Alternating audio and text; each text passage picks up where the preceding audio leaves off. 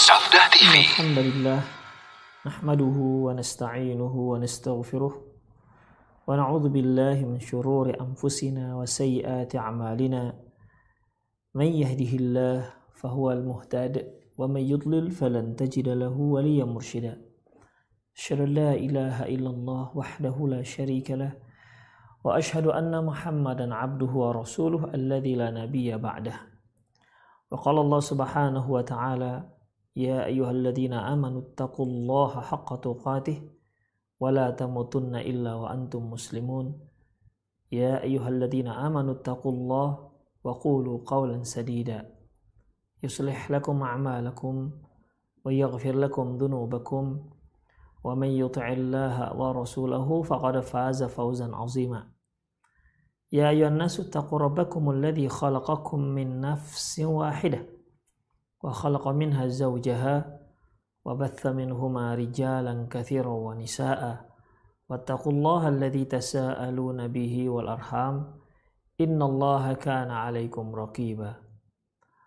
أما بعد إن أصدق الحديث كتاب الله وخير الهدي هدي محمد صلى الله عليه وسلم وشر الأمور محدثاتها. وكل محدثة بدعة wa kulla bid'atin dolalah wa kulla dolalatin fin. Para pemirsa Rosat TV, pendengar Medan Mengaji, Radio Medan Mengaji di mana pun Anda berada, Alhamdulillah Allah Subhanahu wa Ta'ala sampai sekarang masih memberi kita banyak dan kenikmatan tersebut tentunya kenikmatan yang tak mungkin untuk kita hitung. Wa in ta'uddu ni'matallahi la tuhsuha Apabila kalian menghitung nikmat Allah, pasti tidak akan mungkin kalian dapat menghitungnya. Di antara nikmat yang tiada tara yang diberikan, yang dianugerahkan Allah kepada kita, yaitu nikmat kita masih dapat untuk menyimak kajian-kajian. Kajian-kajian Islam. Di mana Allah Subhanahu wa taala mengatakan, yarfa'illahu alladhina amanu minkum walladhina utul ilma darajat. Sungguhnya Allah mengangkat orang-orang orang-orang yang beriman di antara kalian dan mengangkat orang-orang yang diberi ilmu di antara kalian beberapa ikhwah khususnya para ummahat, akhwat, para saudari yang sudah menjadi seorang istri bagi suaminya. Di kajian lalu telah kita bahas bagaimana cara untuk memperbaiki hubungan kita dengan umat manusia. Di mana kaidahnya yaitu kita perbaiki hubungan kita dengan Allah. Niscaya Allah akan perbaiki hubungan kita dengan manusia. Terutama tentunya terhadap pasangan-pasangan kita. Jika saudari, jika seorang istri memiliki masalah komunikasi atau sering terjadi salah pengertian dengan suaminya, maka yang pertama sekali dia perbaiki hubungannya dengan Allah Subhanahu wa taala. Itu nasihat pertama. Dan nasihat ini disebutkan oleh Syekh Badar bin Ali Al-Utaibi dalam kitabnya Ishrun Nasihah di Ukhti Qabla Zawajiha. Itu nasihat pertama. Nasihat yang kedua yaitu at-ta'atu fil ma'ruf minal ma'ruf.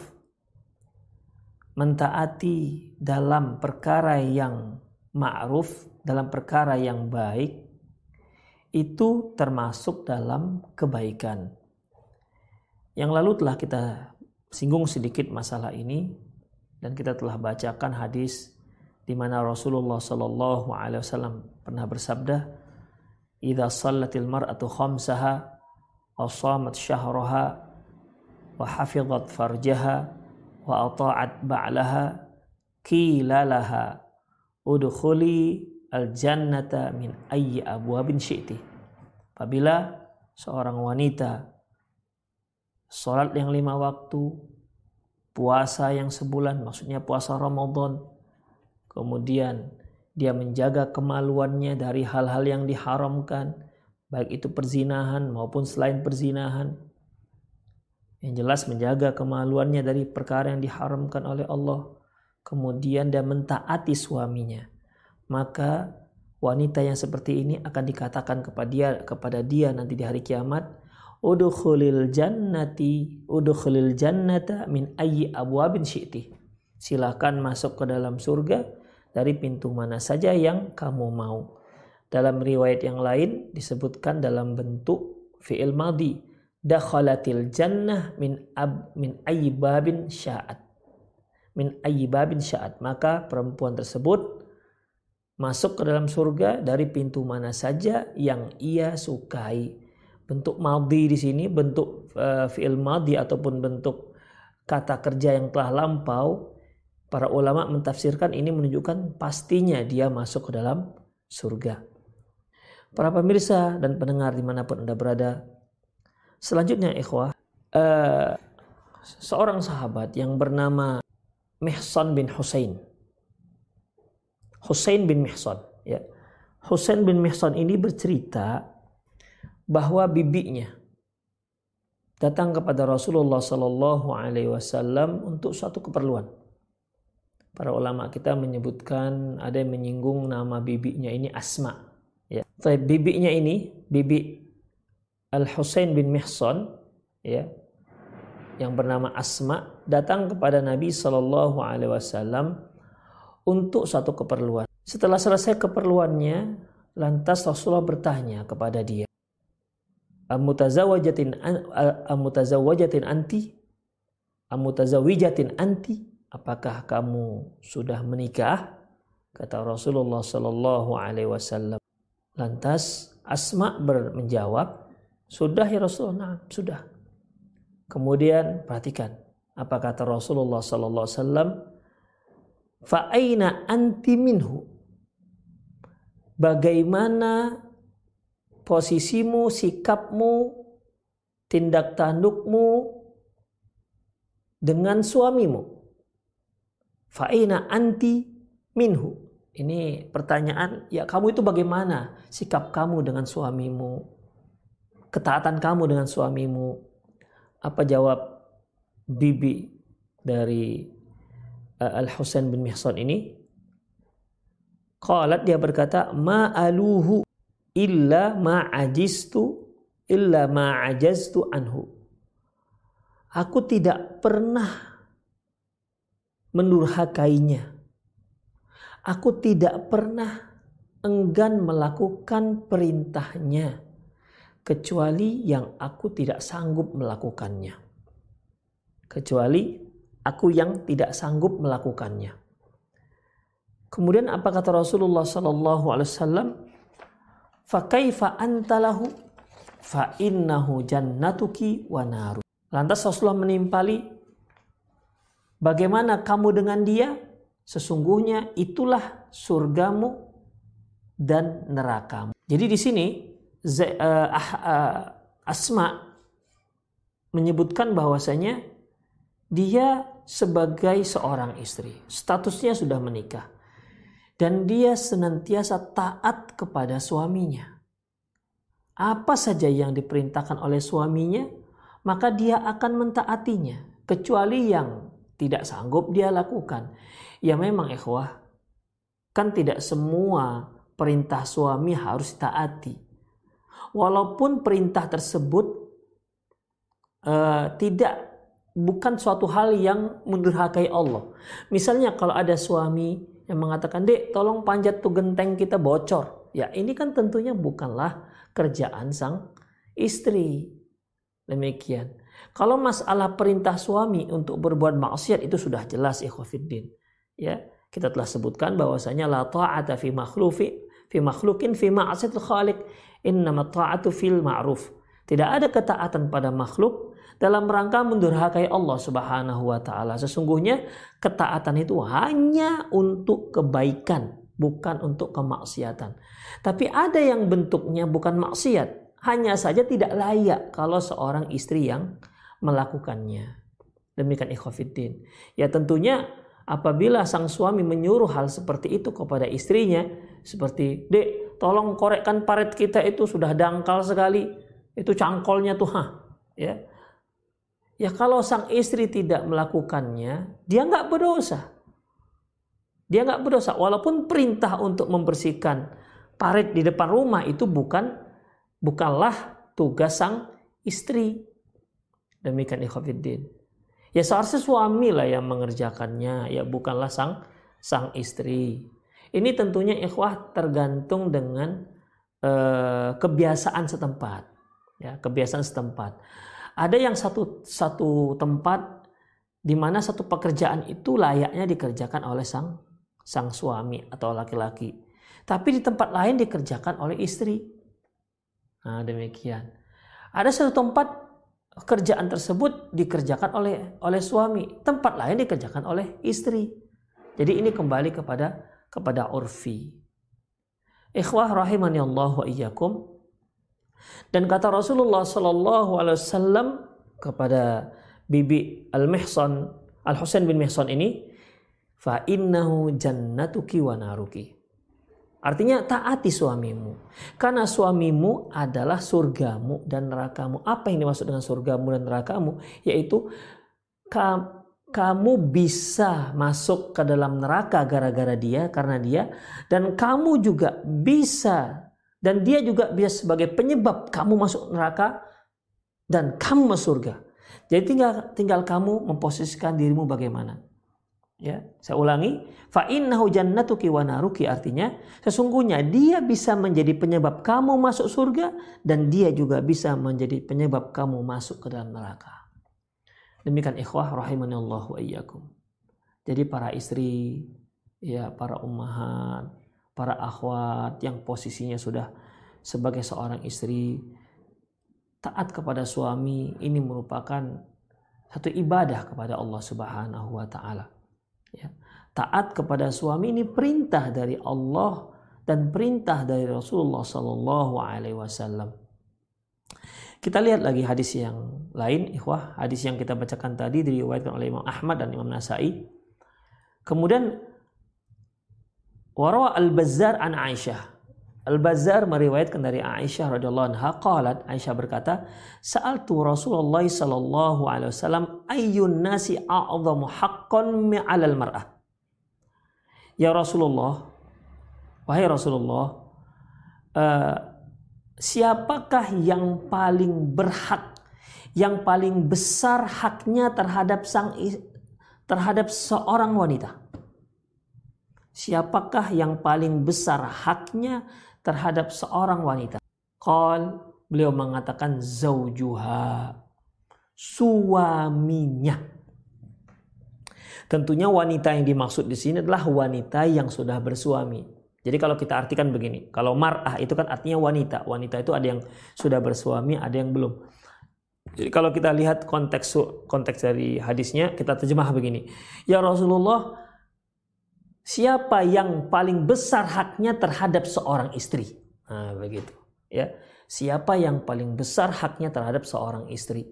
Maka Rasulullah mengatakan zaujuha suaminya. Ya, suaminya. Jadi bagaimana dengan orang tuanya? Enggak.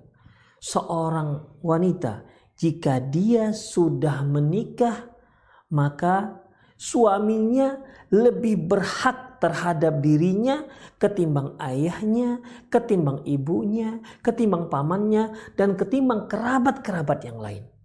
Suaminya lebih berhak terhadap dirinya. Oleh karena itu bagi seorang istri, saudariku, uh, hendaklah mengetahui hal ini.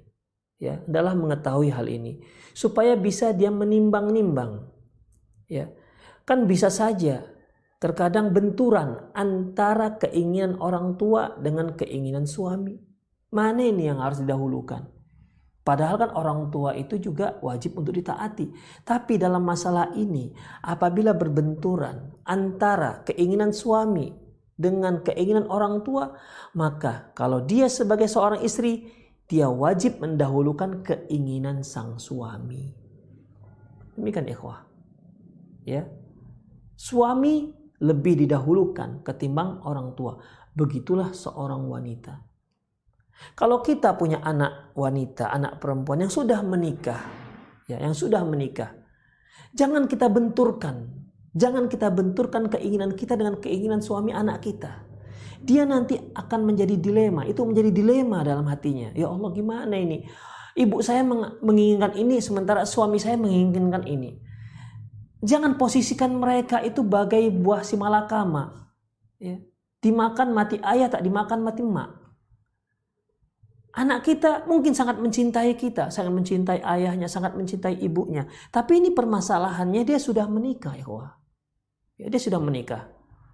Makanya tidak boleh seorang orang tua itu mengintervensi anaknya yang sudah menikah. Dia hanya bisa, nah kasih saran. Misalnya dia kepingin bantuan anaknya, misalnya kan, e, nah kalau ada waktu bantulah mama nak, bantu masak. Tapi izin dulu dengan suamimu. Begitu caranya. Kalau suamimu nggak nggak mengizinkan jangan kemari. Begitu. Jangan dibenturkan. Ya. Jangan dibenturkan. Jangan dikatakan, aduh, udah kemari anak. Kemudian si anak bilang, aduh mak nanti izin dulu. Kenapa harus izin suamimu? Kamu kan anakku. Astagfirullah. Nggak seperti itu posisinya sudah. Ya. Tidak lagi seperti itu posisinya. Memang anak dari sang ibu, tapi posisinya dia sudah sebagai seorang istri. Yang lebih runyam lagi ikhwah, ya, yang lebih runyam lagi yaitu seorang anak yang posisinya sudah sebagai istri. Si ibu ingin mengajak anaknya ngapain lah ya suatu mungkin kegiatan apalah masak memasak atau jalan atau bareng atau makan bareng tapi sang suami tidak mengizinkannya ini malah ibu ini mendesak sang anak kamu itu lebih cinta dengan suamimu ya kamu nggak taat lagi kepada emakmu ya? Ikhwah nggak boleh seperti itu. Ya, nggak boleh seperti itu. Jadilah kita sebagai orang tua, orang yang memang mengajarkan pada anak kebaikan. Ingat, apa kata Rasulullah tadi? Suami itu bagi sang istri fa innahu jannatuki wa naruki. Suamimu itu bisa menyebabkan kamu masuk ke neraka dan masuk ke surga. Kita sebagai orang tua apa namanya kita dukung anak kita agar mudah masuk ke dalam surga jangan mudah jangan sampai kita menyebabkan dia masuk ke dalam neraka gara-gara apa kita mendesak anak kita untuk mentaati kita padahal suaminya sudah mencegahnya ittaqillah wahai orang tua ya bertakwa kepada Allah Subhanahu dia adalah putrimu putri Anda mudahkan jalannya untuk ke surga dengan cara mentaati sang suaminya jangan posisikan dia dalam posisi yang yang sulit yang sulit untuk memilih. Dukung dia untuk mentaati suaminya. Selama suaminya memerintahkannya untuk yang ma'ruf dan tidak menyuruhnya pada perbuatan Para pemirsa Arusat TV dan para pendengar radio Medan Mengaji pun di mana pun anda berada, ya. Jadi di sini Rasulullah menjawab, "A'dhamun nasi haqqan alal mar'ah siapa? Zaujuha. Suaminya. Lebih besar hak suami ketimbang hak orang tuanya terhadap si si anak perempuan tersebut. Kultu, lantas aku bertanya lagi, fa ayyun nasi a'zamu haqqan 'ala rajul? Siapakah yang lebih besar haknya terhadap seorang laki-laki? Kalau tadi kan wanita nih, ya, seorang wanita. Siapakah yang paling besar haknya terhadap seorang wanita? Ya sudah dijawab. Lantas Aisyah bertanya kepada Rasulullah tentang laki-laki. Kalau laki-laki gimana ya Rasulullah? Kalau laki-laki siapa yang lebih berhak terhadap si laki-laki? Apakah istrinya? Ya. Apakah anaknya? Atau siapakah? Perhatikan jawaban Rasulullah SAW. Fakal beliau mengatakan ummuhu ibunya. Insya Allah. Beda ternyata seorang laki-laki dengan seorang perempuan. Oleh karena itu, ini harus difahami oleh seorang istri. Wahai para istri, fahamilah bahwasanya suami anti itu adalah anak dari seorang ibu. Janganlah anti menjadi penyebab putusnya hubungan antara dia dan ibunya. Ingat, kalau gara-gara anti putus hubungan antara sang suami dengan ibunya, maka itu salah satu penyebab anti terprosok ke dalam. Dan jangan, jangan posisikan sang suami harus memilih antara istri dan orang tua. Jangan. Ingat, yang paling berhak terhadap Diri seorang laki-laki adalah ibunya. Dan wahai saudariku ingat juga bahwasanya istri bisa putus dalam syariat kita. Bisa putus. Dengan dengan jatuhnya talak putus. Tapi tidak ada kata putus dengan ibu kandung. Ingat itu. Tidak ada kata putus dalam ibu. Makanya seorang istri ya harus paham dalam masalah ini. Dia posisinya sebagai seorang istri. Sementara wanita ini adalah ibu dari suaminya. Yang nggak mungkin bisa diputus. Suami itu dia mudah masuk ke dalam surga dikarenakan ibunya. Istri mudah ke surga dikarenakan suaminya. Jadi jangan sampai ada konflik antara istri dan mertua ataupun ibu daripada sang suami. Demikian luar biasa. Kenapa Rasulullah SAW menyebutkan hal ini, ikhwah? Ya, agar kaum muslimin setelah menikah jangan melupakan ibunya. Jangan sampai melupakan ibunya. Ada rumah tangga-rumah tangga. Setelah dia menikah, apalagi menikahnya di rantau, dia lupa dengan ibunya yang ada di kampung. Setelah dia berada kaya raya, dia lupa dengan ibunya di, kan, di kampung. Lupa dia kembali melihat ibunya di kampung. Lebih parah lagi istrinya yang menyebabkan dia lupa dengan ibunya yang ada di kampung. Bahkan kalau bisa diputus saja. Kenapa? Karena ibunya kampungan. Astagfirullah. Ini durhaka. Suami kalau sampai mengikuti istrinya seperti itu, mentaati saran istrinya seperti itu agar dia putus dengan ibunya, ini suami durhaka itu istrinya durhaka. Ini bisa memudahkan dua orang ini masuk ke dalam neraka. Masyaallah muslimin rahimani Allah wa iya. Dalam riwayat yang lain Bazzar dan Tabrani ya. Diriwayatkan oleh Bazzar dan Tabrani anna imratan qala ya Rasulullah ana wafilatun nisa ilaik. Ya Rasulullah aku itu utusan dari kaum wanita ya yang menghadap kepada Anda. Summa dzakarat mal summa fil jihadi minal ajr. Lantas Wanita ini pun menyebut-nyebut tentang bagaimana besarnya pahala kaum laki-laki, pahala jihad, kemudian dapat ghanimah. Semua kalat. Kemudian dia berkata, Famala min dalik. Terus kami bisa nggak mendapatkan pahala yang seperti itu, pahala jihad? Karena memang jihad itu diwajibkan dalam Islam itu untuk kaum laki-laki, perempuan nggak wajib. Tapi memang eh, pahala jihad itu luar biasa. Ya. Pahala jihad itu luar biasa. Ketika seorang tewas dalam jihad fi sabilillah litakuna kalimatullah ya untuk meninggikan kalimat Allah dan dia tewas dalam pertempuran tersebut. Memerangi orang-orang kafir. Kafir harbi. Orang kafir memerangi kaum muslimin. Ya. Apa kata Rasulullah sallallahu alaihi wasallam keutamaannya? ketika darahnya mengalir, di situ langsung dihapuskan dosa-dosanya. Kemudian dia akan dinikahkan dengan bidadari. Kemudian ini yang luar biasa ini ikhwah. Dia akan diberi hak untuk memberi syafaat 70 orang dari kerabatnya. Allahu Akbar, luar biasa. Jadi wanita ketika melihat seperti itu, ya Rasulullah kami juga mau loh.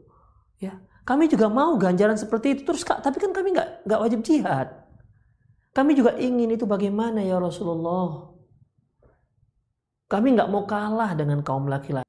Ya, dan memang ikhwah kalau kita lihat pertanyaan luar biasa ini.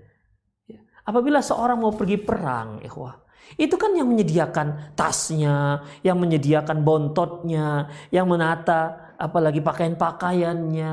Itu kan kaum wanita, ini kaum ibu-ibu kaum ibu-ibu. Sama lah seperti seorang seorang suami kalau dia mau pergi safar untuk bekerja atau untuk umroh atau apalah ya, ya dia pergi sendiri. Ini pasti yang menyiapkan itu istri. Terkadang istri punya checklistnya dia apa yang perlu diperlukan oleh suami ketika safar apa yang diperlukan oleh suami. Kalau suami bisa saja kalau dia ngurus bisa tapi ketika sampai di tempat safarnya ada saja yang kelupaan lupa inilah lupa itulah tapi sang istri masya Allah luar biasa Itulah hebatnya kaum wanita. Memang itu tugas mereka. Ya. Seorang suami mau pergi jihad, yang di depannya itu surga, terbunuh dia langsung surga.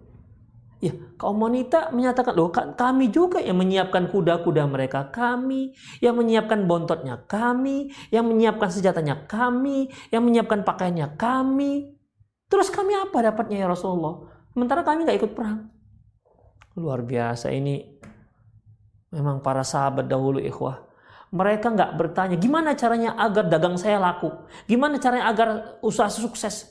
Tak ke sana, Masya Allah. Yang mereka lombakan itulah untuk mendapatkan akhirat. Makanya para ulama kita mengatakan, ya, makanya Rasulullah pernah mengatakan, apabila kamu melihat, afwan, ini hadis atau ucapan ulama ya, apabila kamu melihat ada seorang yang melomba kamu dalam masalah dunia, lomba dia dalam masalah akhirat. Begitu. Ya. Karena perlombaan dalam masalah dunia, perlombaan yang tidak ada finishnya. Tidak ada finishnya.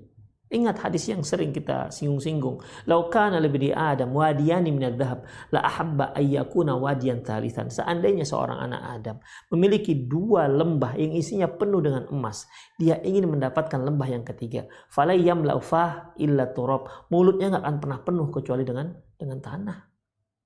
Itu dia. Ya. Kalau kita berlomba untuk dapatkan dunia, tak ada habis-habisnya, tak pernah puas-puasnya. Ya. Kalau ada orang yang nggak pernah puas dengan dunianya, ini dikarenakan apa ikhwah? Karena hammuhu lil, dunia. Targetnya hanya untuk dunia. Seperti hadis yang pernah kita kita singgung. Kemudian ikhwah rahimani Allah wa iyyakum. Famalana min dalik. Ya Rasulullah, terus kami itu dapat apa? Qal faqala sallallahu alaihi wasallam Lantas Rasulullah Shallallahu Alaihi Wasallam bersabda, Ablighi man lakiti minan nisa. Kabarkan kepada seluruh wanita yang kamu ketemu, yang kamu jumpai, anna ta'ata zauji wa'tirafan bihaqqih ya'dilu dzalika bahwasanya mentaati suami dan mengakui hak suami tersebut sama pahalanya seperti jihad visabilillah. Masya Allah, ibu-ibu, ibu di rumah mentaati suami, kemudian dengan sang laki-laki yang pergi berjihad, bertarung, menyabung nyawa, baru mereka mendapatkan pahala jihad. Ibu di rumah tidak mempertarungkan nyawa, bahkan uang pun dikasih suami, apalagi Tinggal duduk anteng, imut-imut di rumah. Suami menyuruh taati. Pahala ibu, pahala saudari, saudariku. Itu seperti jihadnya kaum laki-laki. Tidak perlu jauh-jauh. Coba kaum laki-laki, dia mau jihad. Mau jihad perang. Cari-cari perang juga di mana. Tapi ternyata untuk dapat pahala jihad ada di depan mata ibu-ibu. Luar biasa. Makanya Rasulullah katakan, katakan setiap wanita yang kamu temui. Bahwasanya barang siapa bagi si wanita yang mentaati suaminya dan mengakui akan hak suaminya tersebut, maka dia mendapat pahala seperti kaum laki-laki yang pergi jihad. Bayangkan ikhwah. Laki-laki itu kalau pergi jihad, itu bagaimanapun ada rasa takut. Karena apa? Ya siapa yang nggak takut nyawa bakal terancam nyawanya? Siapa? Tapi kaum ibu-ibu Allahu Akbar, subhanallah. Mudah ada didapatkan itu. Di rumah. Tidak perlu takut. Tidak perlu terancam nyawa. Oleh karena itu ikhwah. ya Khususnya para istri. Cobalah renungkan ucapan Rasulullah SAW ini. Tapi apa kata Rasulullah di akhir hadis? Wa qalilum minkum mayaf'aluh. Tapi sayangnya sedikit sekali para istri itu melakukannya. Astagfirullah. Dan memang, memang iya. Kalau kita lihat sulitnya untuk pergi berjihad, mungkin di hati kaum ibu-ibu begitu juga sulitnya untuk taat kepada suami. Mungkin begitu, Allah alam. Tapi mengapa Rasulullah katakan Sedikit sekali kaum wanita yang melakukan hal itu. Allahu Akbar, mengapalah sampai seperti itu? Wahai para ukhti fillah, camkanlah hal ini. Jangan ikuti hawa nafsu. Jangan ikuti emosi. Jangan ikuti kesedihan di hati. Jangan ikuti panggilan orang-orang fasik yang di luar sana. Apa yang ingin anti cari di luar sana? Surga anti ada di surga anti ada di rumah. Bukan di pasar-pasar, bukan di pasar-pasar. Dan juga bukan mengikuti demonstrasi-demonstrasi di pasar. Bukan. Tapi di rumah. Ya, di rumah. Oleh karena itu, wahai kaum muslimah sekalian, ingat-ingatlah hadis ini. Ya, ingat.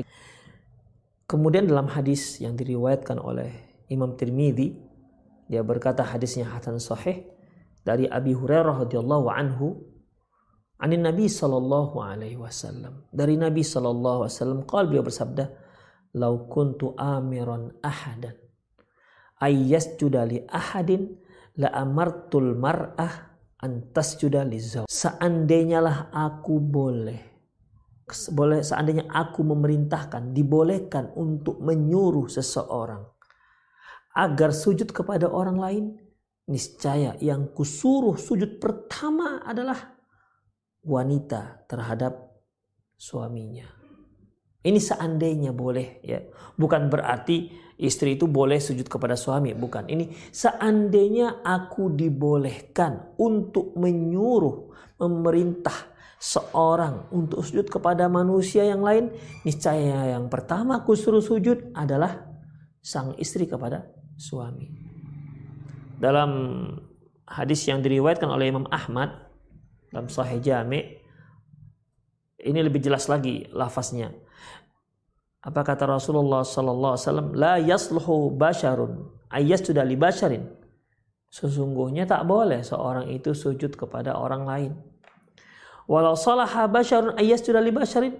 Seandainya bolehlah seorang sujud kepada orang lain, la amartul mar'ata antas sudah li zaujiha niscaya akan aku perintahkan si istri untuk sujud kepada suami. Mengapa? Min azami haqqi alaiha. Dikarenakan besarnya hak sang suami kepada istrinya, terhadap istrinya. Sampai seperti itu Rasulullah menekankan kepada para istri supaya taat kepada suami. Wahai para istri taat, taat sampai sampai seperti itu Rasulullah SAW menekankan masalah ini begitu wajibnya, begitu apa namanya, begitu ditekankan untuk taat kepada sang suami. Ikhwah rahimani Allah wa iyyakum. Ini merupakan adab yang luar biasa. Ya. Adab yang yang luar biasa.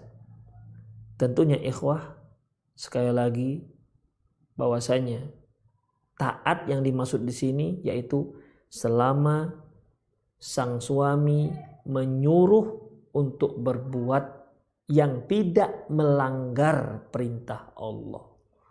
Maka istri wajib untuk mentaati. Selama sang suami tidak menyuruh perkara yang melanggar syariat Allah, maka sang suami wa sang istri wajib untuk mentaatinya. Walaupun hukum asal daripada perintah perbuatan yang diperintahkan suami itu perintahnya mubah seperti ini.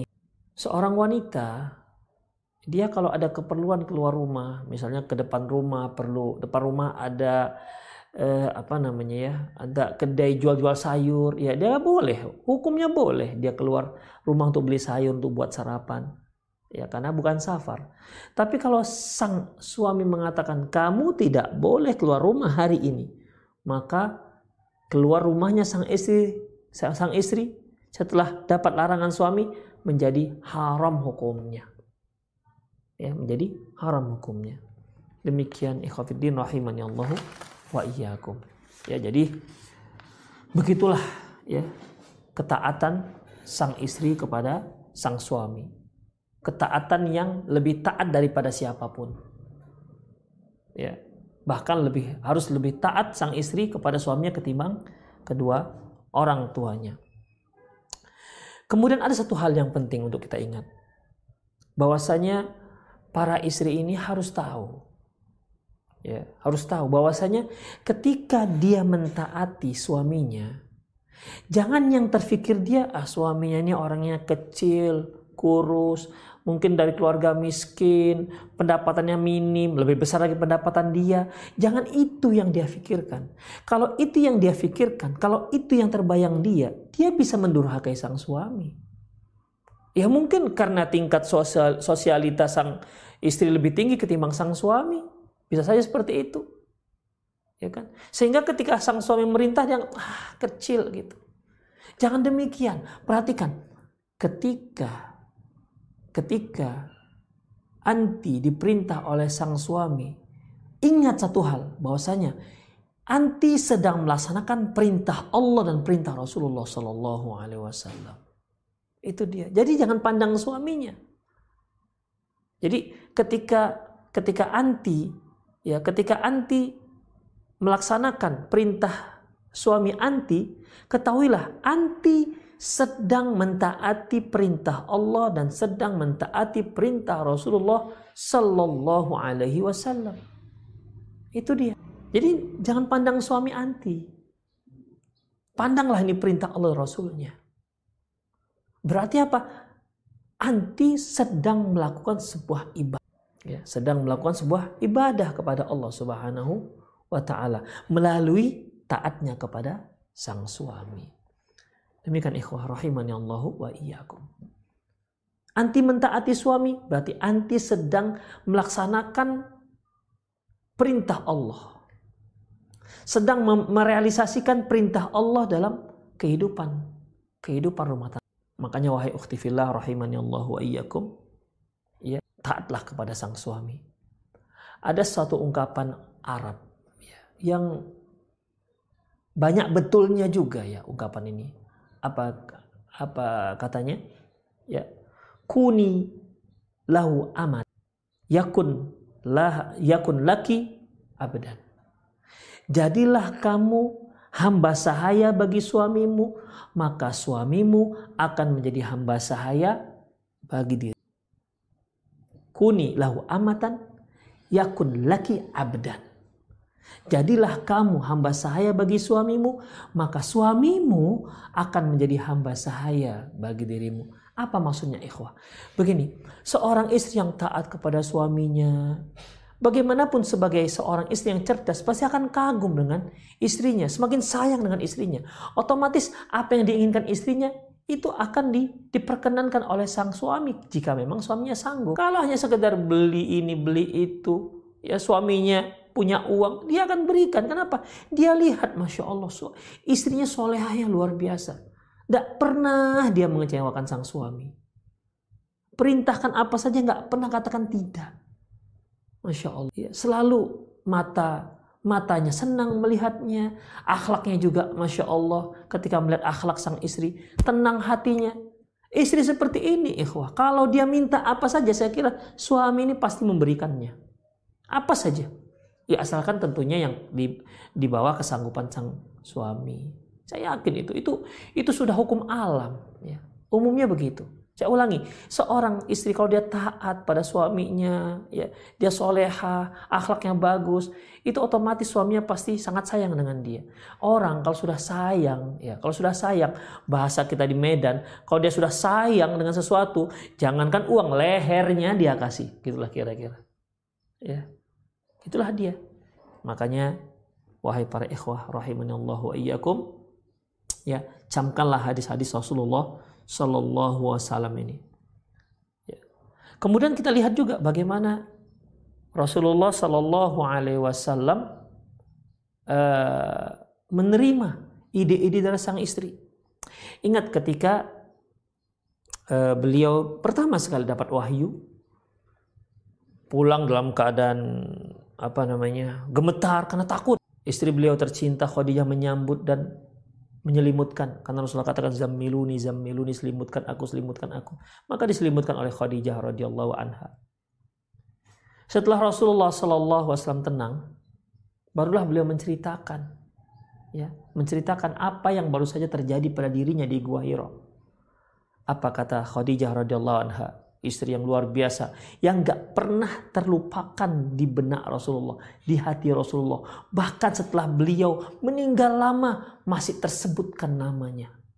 Insya Allah istri pertama sudah lama wafat tapi namanya masih terukir sangat dalam dalam hati Rasulullah. Sampai sering tersebutkan di depan istri-istri yang lain Sampai Aisyah pernah mengatakan, aku tak pernah cemburu dengan istri istri Rasulullah, tapi aku yang cemburu adalah dengan istri beliau sudah meninggal. Maksudnya Khadijah. Jadi Aisyah itu hanya cemburu dengan Khadijah, padahal dia sudah meninggal. Bayangkan, sangkin Rasulullah sering menyebut-nyebut tentang Khadijah radhiyallahu anha. Jadi waktu itu ikhwafiddin, ketika setelah selesai Rasulullah menceritakan apa yang terjadi pada dirinya, apa kata Khadijah radhiyallahu anha? Kalla La Allah la yukhzik Allah. Demi Allah, Allah tidak akan pernah menghinakan Anda. Allahu Akbar. Mengapa ikhwah? Ya. Mengapa? Inna kalatasilu rahim. Ya Rasulullah, eh, wah, ya wahai suamiku, Anda itu orang yang selalu menyambung tali silaturahmi. Watas duku al-kalam, al-kaul. Ucapan Anda itu selalu jujur. Waktu kri'ud anda juga memuliakan tamu. Wataksibul ma'dum. Anda selalu menolong orang-orang yang berketiadaan. Lantas Khadijah radhiyallahu anha memberikan solusi. Gimana nih? Kita kan nggak tahu nih apa yang siapa yang datang. Gimana kalau kita datang ke pamanku?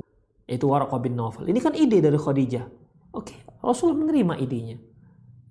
Karena istri yang seperti Khadijah punya ide, ini ide yang brilian. Ya ide yang luar biasa. Makanya Rasulullah ya juga begitu. Istri yang cerdas idenya luar biasa. Akhirnya pergilah mereka ke ke Waraqah bin Naufal. Di situlah mereka tahu bahwasanya ternyata ternyata yang yang mendatangi Rasulullah SAW itu adalah juga yang mendatangi Musa alaihissalam. Satu lagi kisah setelah Rasulullah SAW selesai uh, melakukan uh, mensepakati perjanjian Hudaybiyah ya karena ini kaum muslimin datang ke sana kan untuk umroh ya. Lantas Rasulullah katakan kepada para sahabat ya eh, potonglah ternak kalian potonglah korban kalian dan bercukur. Tapi ternyata tidak ada seorang pun yang bangkit untuk bercukur dan potong korbannya akhirnya Rasulullah kecewa dan masuk dalam kemah di dalam kemah Ummu Salamah bertanya kenapa ya Rasulullah? Rasulullah menceritakan. Apa kata Ummu Salamah? Udah ya Rasulullah, Anda keluar dari kemah, tak usah ngomong dengan siapa pun. Anda keluar dari kemah, panggil tukang cukur, cukur kepala Anda, kemudian Anda sembelih korban Anda. Gak usah ngomong dengan siapa pun. Itulah ide dari ide brilian dari Ummu Salamah radhiyallahu anha. Dan Rasulullah lakukan. Gimana hasilnya? Rasul tanpa ngomong sedikit pun ya. Cukur sembelih hewan kurban. Sahabat yang melihat begitu ya ikut bangkit melakukannya. Padahal tadi ketika Rasulullah menyuruh tak ada satupun yang bangkit. Ketika Rasulullah nggak ngomong lagi sudah. Beliau kerjakan saja tanpa ngomongan tanpa omongan ternyata yang lain ikut. Itu ide dari mana? Ide dari Ummu Salamah. Luar biasa ikhwah. Ya. Jadi apa namanya? Seorang yang seorang istri itu luar biasa sebenarnya. Ya. Oleh karena itu wahai para istri berupayalah ya dan berusahalah sekuat tenaga. Karena ini adalah jihadnya anti. Berupaya dengan sekuat tenaga. Kalau bisa ndak usah disuruh kita sudah jalan ya kan yang namanya tugas-tugas istri itu kan sering berulang-ulang. Misalnya nih suami pergi masuk toilet, masuk uh, kamar mandi. Ya. Itu istri sudah menyediakan handuknya. Kalau bisa jangan sampai teriak, "Dek, handuk, Dek." "Oh iya, Bang." Kalau setiap hari harus teriak-teriak begini, ya. Jadi tahu dia apa yang dia lakukan. Suami duduk di meja makan. Dia sudah tahu apa yang harus dia lakukan. Ya entah dia buat air hangat, ya, kebiasaan suami yang biasa dia lakukan. Sudah paham. Ya. Kalau bisa tidak usah disuruh-suruh. Kegiatan kebiasaan sehari-hari itu tidak usah disuruh suami. Istri sudah punya punya feeling untuk melakukannya, sudah menandai. Suami saya kalau begini-begini. Kalau suami saya mau mau pergi kantor, dia harus sudah siapkan sepatunya, sudah kilat segala macam. Ya. Kalau kalau bisa jangan suamilah yang menyemir sepatunya, istri yang menyemir. Ya, istri menyemir sudah standby, masya Allah. Yang mau pergi kantor sudah siap semua tanpa ada yang hilang, tanpa ada yang ketinggalan. Tasnya semua. Kalau sudah tinggal suami pakai, kemudian udah tinggal angkat pergi ke ke kantor. Apa kebutuhan suami yang harian itu tidak perlu lagi diteriakin oleh sang suami. Demikian kecuali hal-hal yang baru misalnya. Kalau bisa berbuat seperti itu ikhwah rahimahullahu wa iyyakum. Jadi tahulah sang istri uh, mana yang disukai suami, ya, mana yang tidak disukai suami. Demikian. Misalnya sang istri tidak usahlah dia cerita tentang mantannya. Inilah parahnya kalau sudah punya pacar. Dulu bang mantan saya bang begini begini Allahu Akbar. Itu sering buat buat sakit hati sang suami. Sering buat terluka hati suami. Suami juga seperti itu sebenarnya. Kalau dia dulu pernah di masa apa ya masa jahiliyah lah kita katakannya atau masa ya sebelum dia hijrah dia punya koleksi pacar sampai satu listnya sampai satu double folio misalnya ya. Udahlah nggak usah disebut-sebutkan lagi tuh. Tutup buku prak gitu. Nggak usah disebut lupakan nama-nama mereka semua. Jangan sebut-sebut sejarah dia keromantisan dia dengan mantan-mantannya itu depan istri. Itu wallahi ikhwah itu bisa menyakitkan hati istri ya bisa menyakitkan muncul cemburunya Kenapa cemburu? Itu memang menunjukkan dia seorang istri yang normal. Oh salah sebut-sebutkan. Sering loh terjadi clash gara-gara apa? Gara-gara masing-masing menyebutkan mantan. Ketika jalan dengan istri, eh dulu abang pernah makan dengan mantan abang di sini. Untuk apalah disebut-sebutkan itu? Itu hanya akan membuat gejolak rumah tangga. Bergejolak rumah tangga. Udah tutup, close case. Gak usah sebut-sebutkan lagi itu tutup buku, ya, delete dari memori anda itu, baik sang suami maupun sang sang istri. Demikian ikhwah rahimani Allah wa iyyakum. Jadi istri tahulah apa yang suami tidak suka, apa suami yang yang suka. Nah, demikian. Mungkin ada yang ingat pernah baca atau pernah dengar tentang kisah Sureh. Ya, Sureh Al-Qadi ketika dia menikah. Menikah dengan Zainab. Salah seorang Bani Tamim. Jadi ketika dia menikah di malam pertamanya itu sang istri yaitu Zainab menanyakan kepada dia apa yang tidak dia suka, apa yang dia sukai dan apa yang tidak dia sukai. Siapa yang dia suka mengunjungi rumahnya dan siapa yang nggak suka yang kalau yang dan siapa yang tidak suka dia dikunjungi. Orang-orang mana saja yang suaminya suka kalau mengunjunginya dan siap uh, orang-orang mana saja yang nggak suka suaminya kalau datang untuk mengunjungi mereka. Keluarga mana misalnya. Itu seharusnya sudah ditanya oleh sang istri. Ya pelan-pelan nih Khafiddin dan tentunya ada yang terakhir yaitu masalah harus taat dan ini urgen sekali yaitu apabila sang suami mengajak istrinya ke pembaringan ke tempat tidur. Ya maka sang istri wajib untuk melayaninya walaupun dia sedang sibuk. Walaupun dia sedang goreng misalnya. Sedang goreng kemudian lagi panas-panasnya eh, apa namanya? Eh, gorengannya, minyaknya, tinggal dimasukkan ikan lelenya misalnya kan. Kemudian panggil suaminya. Artinya suaminya ingin dari adiknya, dari dari istrinya ingin lakukan hubungan intim misalnya, tiba-tiba mungkin kepengen dia, udah matikan kompor, Ustadz ikannya baru dimasukkan, angkat lagi ikannya, dah taruh dulu di piring. Udah layani suami. Demikian ikhwafiddin. Karena kalau tidak, ya istrinya tidak tidak memenuhinya dan suaminya marah, maka si istri akan dilaknat oleh malaikat. Akan dilaknat oleh para malaikat. Demikian ikhwah rahimani Allahu wa iyyakum. Jika ada ar-rajulu imra'atahu ila firashihi falam ta'ti fabatat ghadbana 'alaihal 'alaiha hal malaikatu hatta tusbiha. Apabila seorang suami memanggil istrinya ke pembaringannya, ke tempat tidurnya, namun si istri nggak mau, lantas tidurlah sang suami dalam keadaan jengkelan dongkol, marah terhadap, terhadap sang istri, maka si istri dilanat malaikat sampai sampai waktu subuh. Hadis diriwayatkan oleh Imam Bukhari Muslim. Demikian ikhwatiddin. Nasihat kedua dari Syekh Badar bin Ali Al-Utaibi ya bahwasanya ta'atu fil ma'ruf minal ma'ruf. Mentaati yang baik itu merupakan sebuah kebaikan. Demikian qul qouli hadza wastaghfirullah li wa lakum. Walisal muslimin innahul ghafur rahim. Bagi para pemirsa dan pendengar yang ingin bertanya silakan kirimkan pesan singkat uh, ke WhatsApp 0895 6113 uh, 0895 613 27778. Uh, Assalamualaikum Ustaz. Mana yang lebih didahulukan ibu atau ayah? Ikhwah rahimani Allah wa iyyakum. Uh, dalam masalah ini ya para ulama berbeda pendapat. Misalnya ayah kita melarang, ibu kita menyuruh atau sebaliknya. Itu bagaimana? Mana yang lebih didahulukan? Tadi kan setelah di Rasulullah menyanyikan uh, bagi seorang laki-laki orang yang paling berhak terhadap dia adalah ibunya. Lantas gimana dengan ayahnya?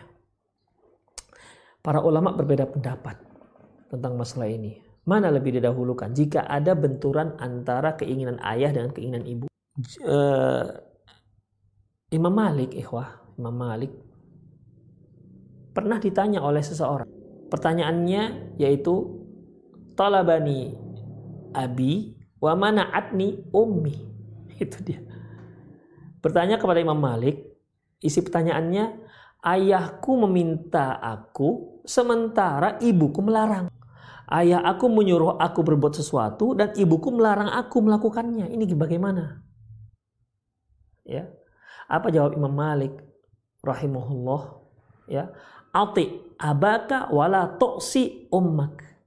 Taati ibu, taati ayahmu, jangan kamu durhakai ibu, ibumu. Taati ayahmu, ati abak wala toksi ummak taati ayahmu, jangan ka, jangan kamu durhakai ibumu. Berarti di sini Imam Malik rahimahullah mensetarakan antara hak ayah dan hak ibu. Namun jumhur para ulama, mayoritas para ulama mengatakan ibu lebih dikedepankan. Ini berdasarkan hadis yang diriwayatkan oleh Abu Hurairah ketika seorang bertanya kepada Rasulullah SAW, man hakun nas bi husni sohbati. Siapa manusia yang paling berhak untuk mendapatkan uh, untuk mendapatkan sikap baikku ya Rasulullah. Beliau mengatakan ummuka, ibumu. Sahabat bertanya lagi, summaman, summaman, siapa lagi setelah itu ya Rasulullah? Ibumu, ummuka. Nanya lagi sahabat, summaman, siapa lagi? Ummuka, ibumu tiga kali, ibuka, ibuka, uh, ummuka, ummuka, ummuka. Ibumu, ibumu, ibumu.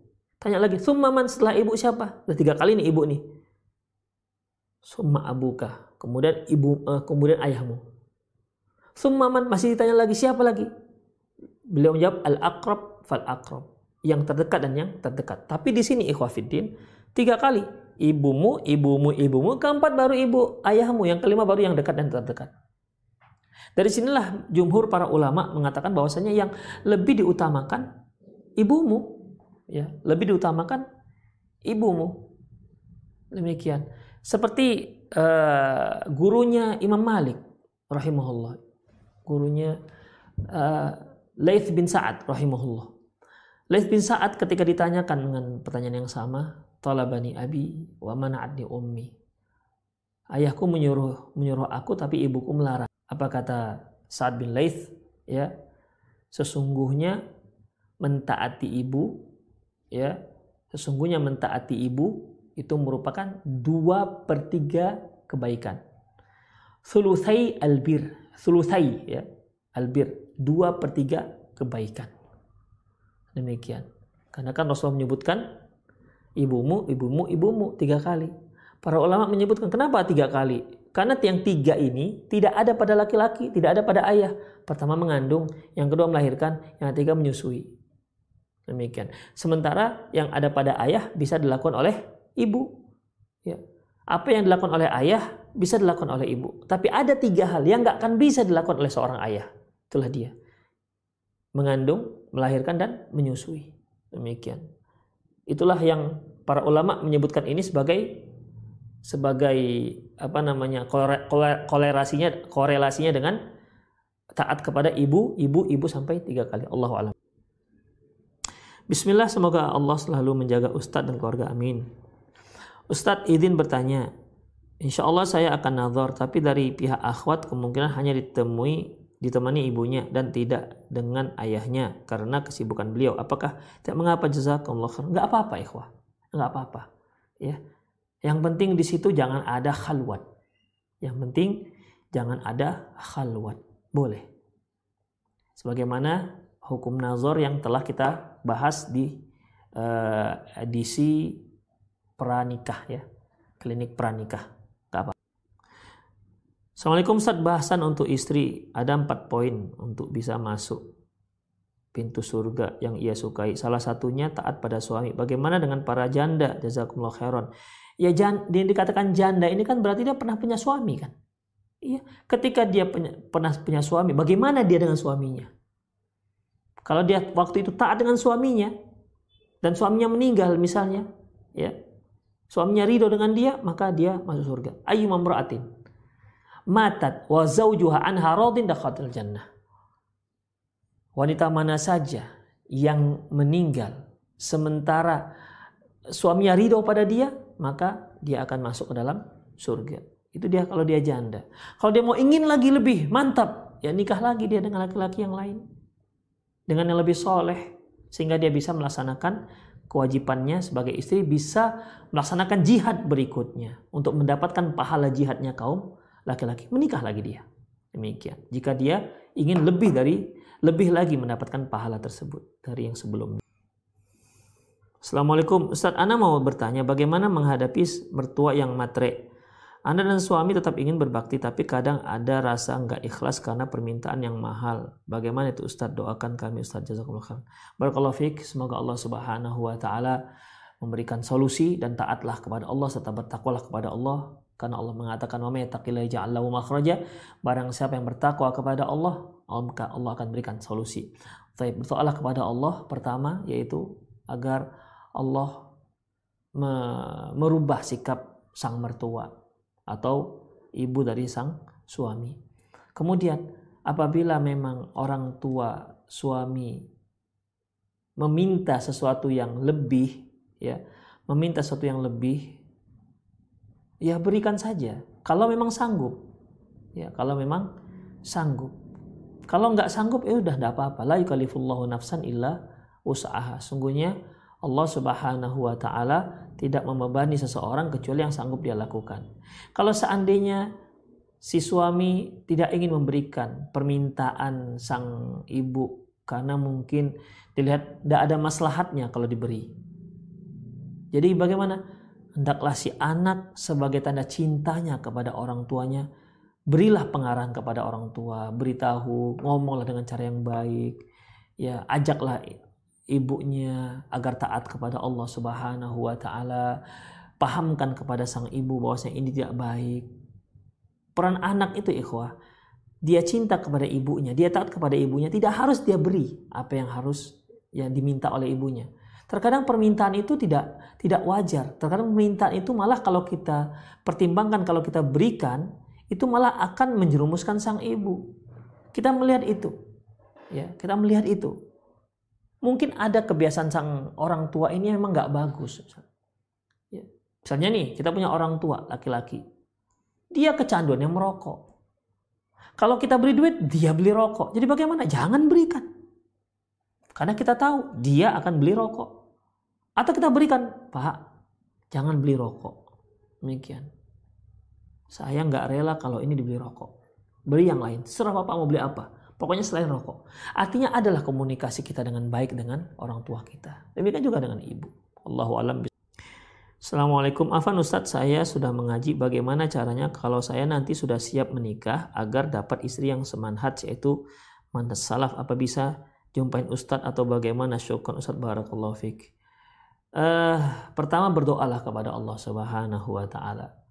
Ya ketika kita ingin mendapatkan pasangan yang baik yang harus kita lakukan yang pertama kita baikkan juga diri kita terlebih dahulu. Coba uh, dengar lagi uh, kajian kita di klinik pranikah yang di awal-awal.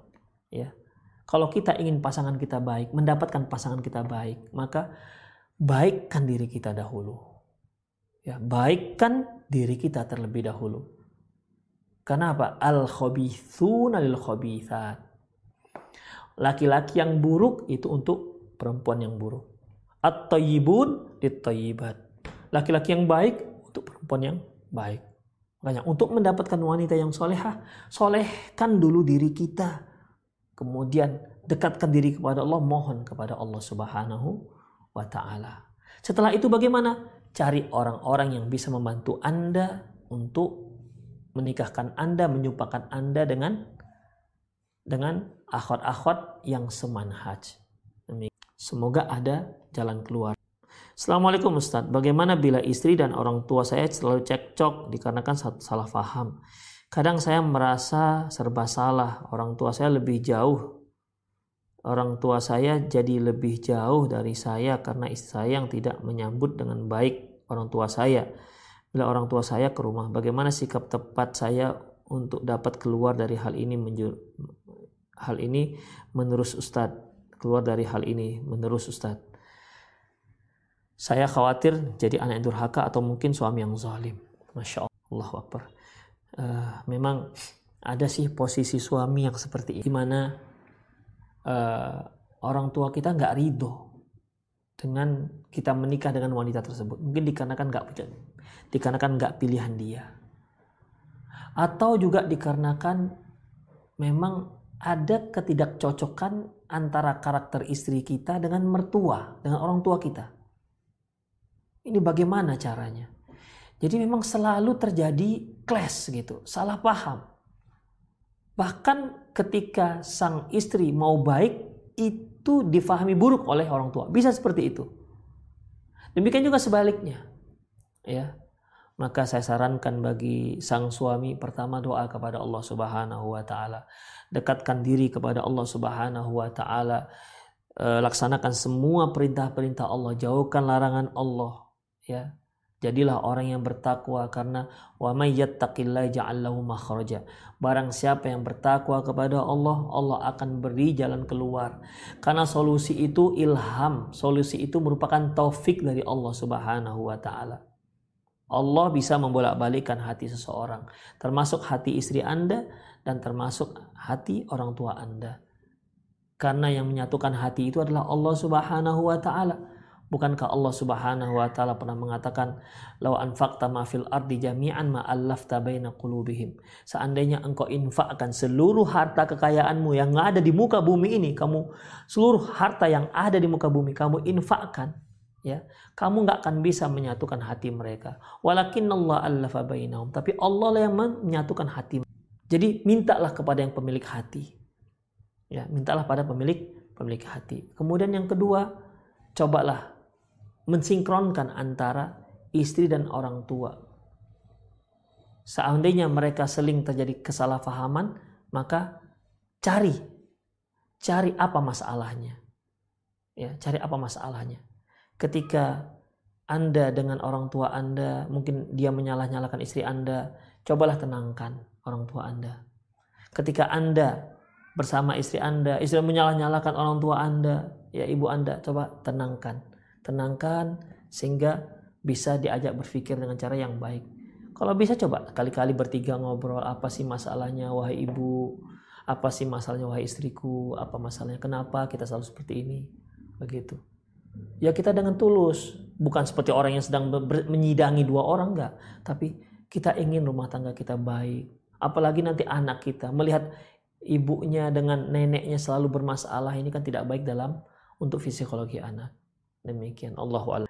Assalamualaikum. Ustadz Afan kalau suami menyimpang dari agama misalnya menyepelekan sholat bahkan meninggalkannya apakah kita tetap harus taat? Allahu alam bisawab ikhwan.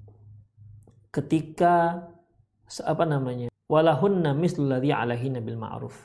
Sesungguhnya wanita itu punya hak dan punya kewajiban yang sama dengan sang suami. Artinya begini, suami suami itu sudah memberikan hak istri. Artinya dia sudah memberikan kewajiban. Maka istri juga wajib untuk memberikan hak suami.